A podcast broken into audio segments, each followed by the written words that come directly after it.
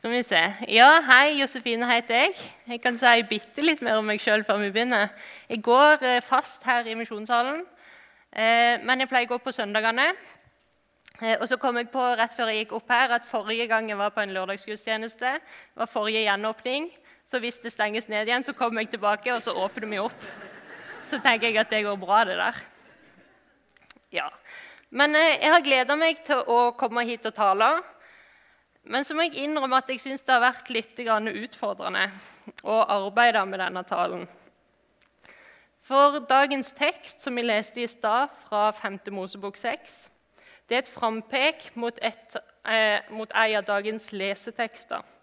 Lignelsen om ugresset og kveiten. Og Det er denne leseteksten som vi skal fokusere mest på, men så skal vi ha tekster fra 5. Mosebok i bakhodet, og så skal vi komme tilbake til den.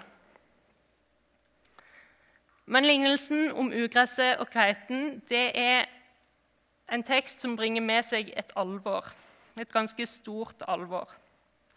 Det er en tekst som vitner om Jesus, men òg om at djevelen finnes. Det er en tekst som vitner om himmelriket, men òg om fortapelse. Og Vi får presentert denne spenninga mellom Gud og djevelen som går gjennom hele Bibelen. Og så ser vi at det til slutt vil bli et skille mellom de som tilhører himmelriket, og de som ikke gjør det. Så la oss lese teksten fra Matteus 13, vers 24-30. Han la fram for dem en annen lignelse og sa:" Himmelriket kan sammenlignes med en mann som hadde sådd godt korn i åkeren sin. Og mens alle sov, kom fienden hans og sådde ugress blant hveten og gikk sin vei. Da kornet skjøt opp og satte aks, kom også ugresset til syne.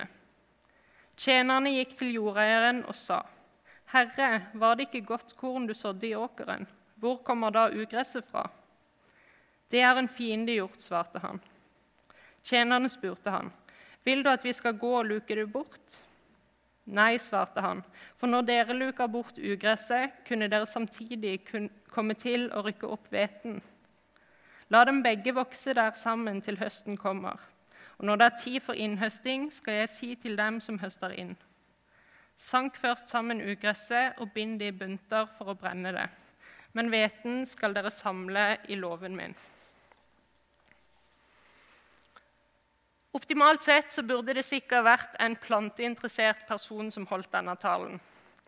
En som kunne belyse teksten med å fortelle et personlig eksempel om frustrasjonen over ugress som dukker opp når man sår, om gleden med å se noe godt spire frem. Eh, men beklager, jeg er ikke så god på planter. Eh, men jeg har lest meg litt opp, så her kommer litt plantefakta, sånn at vi skal forstå denne teksten litt bedre.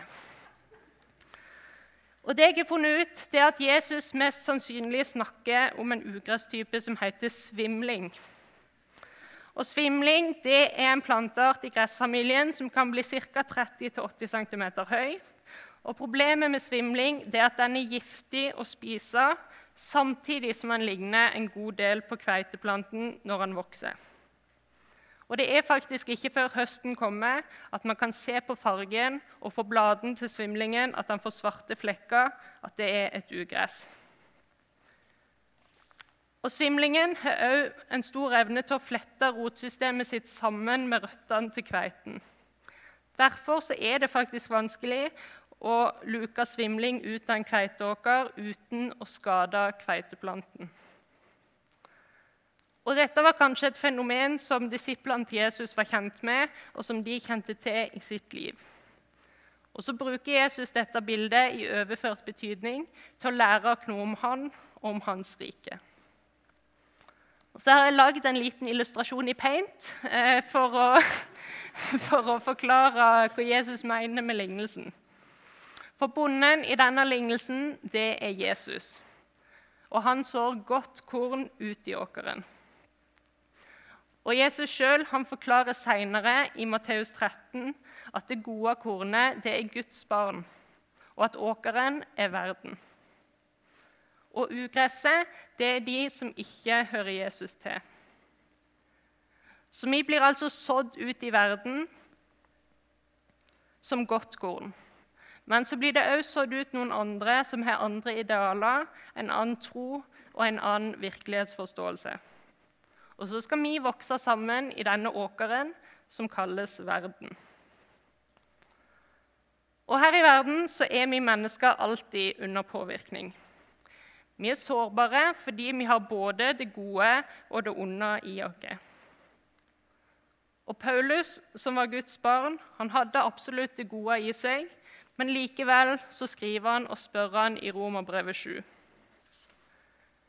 Viljen har jeg, men å fullføre det gode makter jeg ikke. Det gode som jeg ikke vil, nei, det gode som jeg vil, gjør jeg ikke. Men det onde som jeg ikke vil, det gjør jeg. Hvem skal fri meg fra denne dødens kropp? Og vi kjenner nok alle sammen til hvor lett det er å bli lokka til å gjøre nettopp dette onde som Paulus skriver om. Og spre et rykte videre. Å snakka en annen litt ned for å framheve oss sjøl, osv., osv. Og Helt fra første dag etter at Gud skapte mennesket, Adam og Eva, så var slangen der og spurte men har Gud virkelig sagt? Og Dette har han òg lagt inn i vårt liv. Og så kommer denne tanken, tvilen. Er det så farlig med dette, da? Skal vi bry oss om det? Og I samfunnet i dag så er vi omgitt av en tanke om at sannhet det er noe relativt. Det som er sant for meg, trenger ikke være sant for deg. Det som er riktig for meg, trenger ikke nødvendigvis å være riktig for, for deg. Hva som er rett og galt for meg, det defineres i stor grad av meg sjøl. Men dersom det er sånn at det er jeg som bestemmer hva som er rett og galt for meg, så får jeg jo et problem når jeg har både det gode og det onde i meg. Så Som kristne så tror vi at det fins én sannhet. Vi tror på Jesus, som sier om seg sjøl Jeg er veien, sannheten og livet. Ingen kommer til far uten ved meg. Og det er han vi må søke. For Den ytre påvirkninga ber dere ikke nødvendigvis om å søke Guds ord for å finne ut det som faktisk er rett, og hva som faktisk er galt. Når den onde frister, så er det veldig lett å la seg påvirke fordi han har en medspiller i vårt liv. Akkurat som denne bonden som sådde godt korn i åkeren. Han håpa at det skulle vokse fram god hvete. Men så kommer det en fiende om natta når de andre sov og var uoppmerksomme, og sådde ugress som kunne ødelegge den gode kveiten. Og Forrige helg så talte Espen Ottosen over en tekst der Jesus advarer om falske Messiaser og falske profeter. Og Han snakker om viktigheten av å ha Jesus som sentrum i trua vår for å kunne skjelne mellom disse. For at vi skal få del i det gode som Gud har gjort ferdig for oss, så må vi ta til oss av Guds ord, og så må vi la Hans ord få virke i vårt liv. Og akkurat som hveten som stadig vokste i åkeren, så er relasjonen til Gud en kontinuerlig prosess. Skal vi være godt såkorn, så må vi ta til oss av Guds gode ord. Og så må vi stille oss spørsmålene. Hva er det vi fyller oss med? Hva lar vi oss påvirke av? Lar vi Guds ord vokse i oss ved at vi gir det god gjødsel? Eller lar vi oss først og fremst påvirke av verden?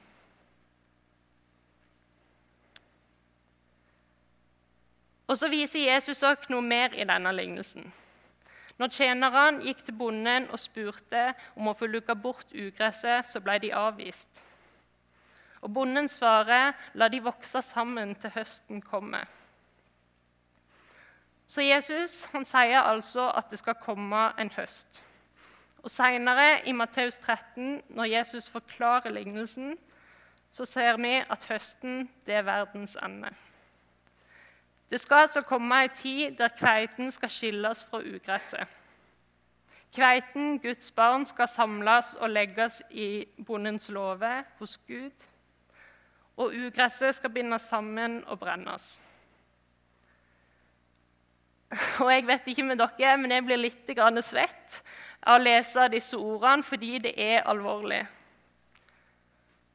Men samtidig så er det et alvor som vi tror at eksisterer, og da må vi forholde oss til det, og så må vi snakke ordentlig om det. Og det skal vi gjøre. Jesus han introduserer lignelsen med å si himmelriket kan sammenlignes med. Og himmelriket det er det riket som vi får ta del i når vi tar imot Jesus som vår Herre og Frelser. Å bli borger i dette riket er å få del i frelsen i det evige livet. Og dette det er et sted der det er godt å være. Og det er selve gaven som Jesus kom med. Og så viser lignelsen nok at dersom vi er Guds barn i dag, dersom vi er kristne, så er vi allerede en del av Hans rike. Vi kan be Gud om å prege og forandre hjertene våre og vite at han ønsker å gjøre det. Og Denne endringsprosessen den er vi hele livet som kristne. Når vi tror på Jesus, så bor Den hellige ånd i oss, og han vil la oss vokse i tro og bli mer lik Gud når vi lever nær Han. På denne måten så er Guds rike til stede blant dere, samtidig som det ikke er fullt ut åpenbart for dere. For vi leste jo i sted at Paulus skriver i Romerbrevet 7.: Hvem skal fri meg fra denne dødens kropp? Et ganske dystert spørsmål. For selv om vi er kristne, så er vi ikke lova et liv fri for smerte, sykdom, sorg og tunge tider. Vi finner flere eksempler i Bibelen på mennesker som roper til Gud i fortvilelse. For sannheten om Guds rike er at vi er en del av det allerede nå som vi er, kristne. Men samtidig så er det ikke helt og fullt til stede før Jesus har kommet igjen. Guds rike er her allerede, men ennå ikke. Og I løpet av livet så vil vi alle møte vanskeligheter. Gudsbildet kan slå sprekker fordi det ikke lenger passer med virkeligheten. Opplevelsen av at Gud ikke stilte opp når vi trengte han som mest, kan gjøre at vanskelighetene kan bli en vei bort fra Gud. Og Det er trist å oppleve at mennesker glir bort fra fellesskapet når en livskrise rammer dem. Derfor er det viktig at vi som menighet er der for hverandre, og at vi tillater andre å være der for oss i mørket. For når det strammer seg skikkelig til, så trenger vi å vite at vi ikke er alene. Og så må vi minne hverandre om at håpet vårt henter ikke næring fra kroppens signaler. Håpet vårt er forankra i Guds løfter. En mann som heter Vidar Mæland Bakke, han skriver i ei bok Vi tror på håpets Gud han som har beseiret mørkets makt på korset. Vi tror på livets opphavsmann, han som selv kjenner fordervelsens grav fra innsiden. Han som Gud reiste opp fra de døde. Navnet Jesus har gitt styrke til syke kropper og nedtrykte sinn helt fra dagen han kom tilbake fra graven. Så svaret på Paulus sitt spørsmål om hvem som skal fri oss, det er selvsagt Jesus. For det er han som setter fri, og det visste nok òg Paulus. For hvis vi blar ei side om i Bibelen, til Romerbrevet 8, 18, så skriver han Jeg mener at det vi må lide i den tiden som nå er, ikke kan regnes for noe mot den herligheten som en gang skal åpenbares og bli vår. Og i vers 21.: Likevel var det håp. For også det skapte skal bli frigjort fra slaveriet under forgjengeligheten og få den frihet som Guds barn skal eie i herligheten. Så når vi er Guds barn, så og har tatt imot Jesu frelse, så får vi et større og et lengre perspektiv på livet. Vi får et himmelsk perspektiv. Vi får et håp om en tilværelse som er helt fri for bekymringer, for smerte, for synd og skam. Et sted der døden har tapt fordi Jesus har overvunnet den. Så ja, vi er allerede en del av dette himmelriket som Jesus snakker om når vi er kristne. Men samtidig så er det ikke fullt og helt til stede før Jesus har kommet igjen. Og mens vi venter på, å ta del i Guds rike fullt og helt, så er vi altså satt her i verden. Og I teksten fra 5. Mosebok, kapittel 6, så leste vi at israelittene fikk et bud. Du skal elske Herren din Gud av hele ditt hjerte, og av hele din sjel og av all din makt. Disse ordene pålegger jeg deg i dag, skal du bevare i ditt hjerte. Du skal gjenta dem for dine barn og snakke om dem når du sitter i ditt hus, og når du går på veien, når du legger deg, og når du står opp. Vi er satt her i verden, og her skal vi leve som godt korn, for å bruke metaforen fra lignelsen. Vi skal ved å vise Guds kjærlighet, vitne om Han, invitere våre neste og våre barn inn sammen med oss i Guds rike. Og Da må vi gå ut og fortelle. Og Vi går ikke alene, vi går sammen med hverandre, og vi går sammen med Gud. For naboen min han blir ikke frelst av at jeg går på gudstjeneste. Kollegaen min han blir ikke interessert i Jesus ved at jeg gir tiende hver måned. Studiekameraten min han hører ikke om Gud ved at jeg går på bibelgruppa hver onsdag. Forstå meg rett, jeg sier ikke at vi ikke skal gjøre disse tingene, for det er gode ting som hjelper oss å søke Gud, og det skal vi holde fast på. Men livet med Jesus det handler om å leve en hverdag nær Han. Og når vi har fått se hvem Jesus er, så skylder vi oss neste å ta del i Jesus sammen med oss. Og da kan vi faktisk ikke bare sitte her inne. Og jeg er ganske interessert i fotball, så jeg bruker ganske mye tid på å se på fotball. Og Fram til før korona så hadde jeg et fast sted, en pub som heter Kickoff, der jeg har sett fotball én til to ganger i uka. Denne puben den er nå lagt ned, men jeg vil fortelle dere litt om den. Det var en sånn litt skitten, gammel pub med hårete leopardputer i sofaen og lite fine malerier på veggene.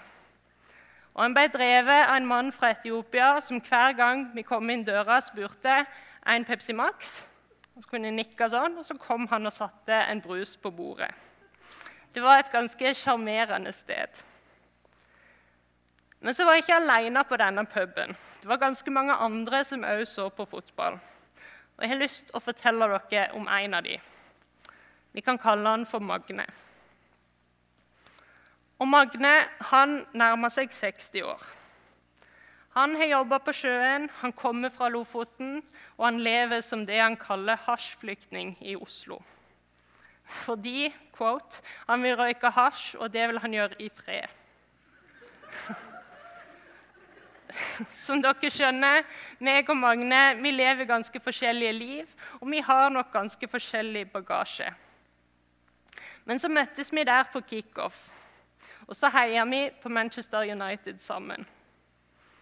Og så har vi hatt noen litt rare og gode samtaler om livet og om tro.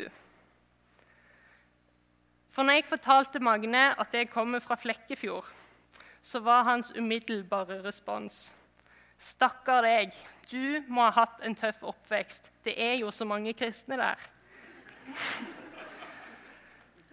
så da måtte jeg stoppe litt opp og tenke litt eh, og forstå hva han mente. For jo, det er ganske mange kristne i Flekkefjord, men nei, det har ikke ført til en tøff oppvekst. Så jeg måtte spørre han da, hva mener du med det? Og så kommer det fram at Magne hadde hatt en del vonde erfaringer med kristne mennesker som hadde såra han, og som hadde gjort at han ikke ville ha noe med kristne eller med Gud å gjøre. Men så satt vi der, da, og så fikk vi snakka om dette som de disse kristne hadde gjort med han. Og så fikk vi snakka sammen om den Jesus som jeg kjenner, der på puben.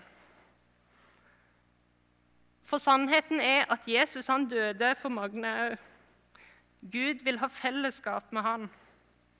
Og jeg ønsker at han skal få ta del i det samme håpet som jeg har fått. Og Grunnen til at jeg forteller denne historien, det er for å understreke at vi må komme oss ut. Akkurat som kveiten og ugresset vokste sammen i åkeren, så skal vi leve sammen med mennesker i verden. For Magne han kom ikke til kirka på eget initiativ. Han kom ikke til å søke Jesus på egen hånd. Men jeg kunne komme til han. Og så er vi alle kalt til å gi evangeliet om Jesus videre. Men det at vi er forskjellige, det gjør at det kan se ganske forskjellig ut. Det viktige er at vi holder oss nær til Gud. For vi skal ikke gjøre noe annet enn å fortelle det vi har sett og hørt om Han. Og så kan det være fint å minne hverandre på at det er ikke våre ord og noen ganger litt stotrende formuleringer som frelser. Det er det Gud som gjør. Og så vet jeg ikke hvordan hverdagen din ser ut hvem du møter på skolen, på jobb, i nabolaget, i familien, eller hvilke interesser du har. Men denne lignelsen utfordrer oss til å tenke over hvem er det vi omgås med. Lever vi livet vårt kun side om side med mennesker som kjenner Jesus og gir litt kollekt på lørdag kveld? Eller bruker vi tid sammen med andre som ikke kjenner Jesus? Lager vi skiller mellom kveiten og ugresset? Eller lever vi sammen sånn som det står at vi skal? Vi skal gå mot en avslutning. For Jesus han forklarer videre i lignelsen for disiplene. Han sier i Matteus 13, 41, Menneskesønnen skal sende ut sine engler og de skal sanke sammen og ta bort fra hans rike alt som fører til fall, og alle som gjør urett. Alle mennesker slipper ikke inn i Guds rike. Til slutt så vil det bli et skille mellom de som gjør det, og de som ikke gjør det. Og dette er ganske alvorlig, men det trenger ikke å gjøre oss motløse. Det kan være en oppmuntring til å fortsette å drive misjon her som vi er satt. Til å leve liv som peker på Jesus, på Hans nåde og på å invitere mennesker inn til Han. Og I 2. Korinterbrev 5.10 så står det For vi, vi må alle fram for Kristi domstol, for at hver og en kan få lønn for det han har gjort gjennom sitt liv i kroppen, enten godt eller ondt.